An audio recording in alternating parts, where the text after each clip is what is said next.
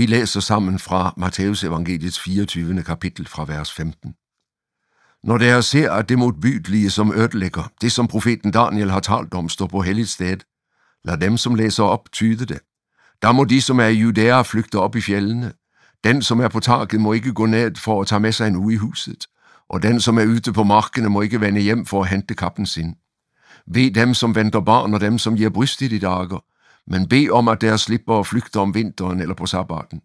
For der skal det komme en trængselstid så stor, som det aldrig har været, fra verdens begyndelse og til nu, og som det heller aldrig skal blive.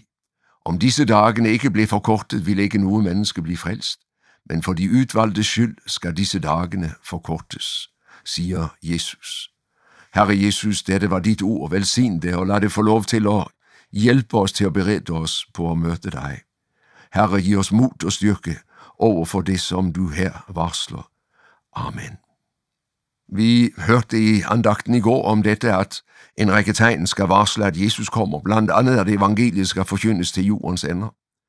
I det afsnit, vi nu læste, så siger Jesus, et særligt tegn skal varsle, at han står for døren. Der skal komme en stor trængsel, og det vederstykkelige, eller det øh, usømmelige, det modbydelige, som ødelægger, det skal rejses på det hellige sted. I den gamle oversættelsen stod der tale om ødelæggelsens vederstykkelighed. Det er varslet på den store trængsel, siger Jesus. Når ødelæggelsens vederstykkelighed er rejst i helligdommen, der er tiden for den store forfølgelse over Guds folk. Her taler Jesus om to ting. Hvis du læser kapitlet fra begyndelsen af, så vil du se, at han taler både om Jerusalems ødelæggelse år 70 og om sin hjemkomst. Og tingene går i hverandre. Det er ikke muligt at sige, hvad som er det ene og hvad som er det andre. Og formentlig er det tilsigtet fra Jesus side. Øhm, på den ene side så varsler han disciplene om templets ødelæggelse, så de kan forberede sig, når de ser disse tingene begynder at ske. Når romerherren den omringede Jerusalem, og byen den begyndte at blive ødelagt, så var det et signal for de kristne, og de drog fra Jerusalem over til den andre siden af Jordan for at komme under det forfærdelige, som skulle foregå i øh, Jerusalem. På den måde så havde dette ord hjulpet dem til at komme under, når trængslen traf byen. Men samtidig så sigter dette tydeligvis langt videre til den sidste store trængsel, før Herren kommer igen. Og som afgudsbilledet blev rejst i Jerusalems tempel, øh, slik Daniel taler om det. Det handler om noget, som sker år 167 før Kristus, vi skal komme tilbage til det.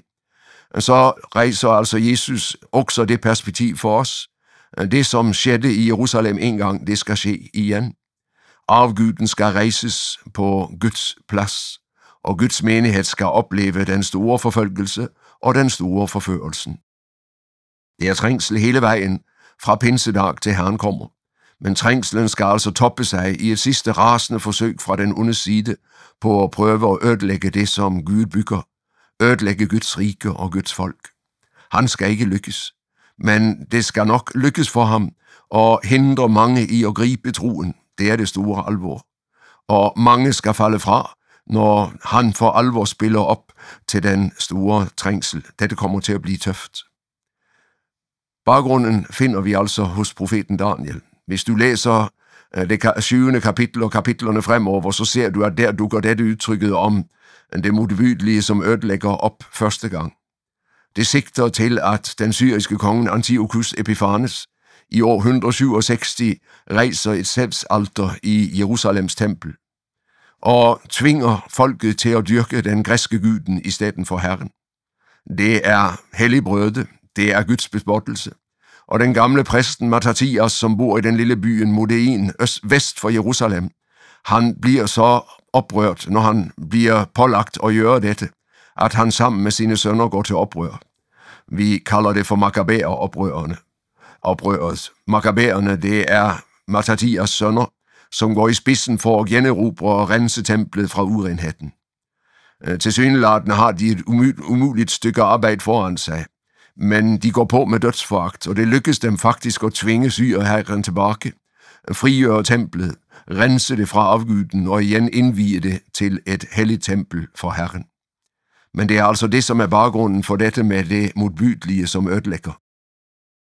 Det, som antydes er, at langt ind i kirken, så skal altså han, som repræsenterer Guds modstanden, vi kalder ham antikrist, øh, efter 1. Johannes 2,18. En mod Kristus, han skal prøve at tvinge kirken til at følge sig i stedet for Kristus. Og ordet antyder, at det skal lykkes ham langt på vej.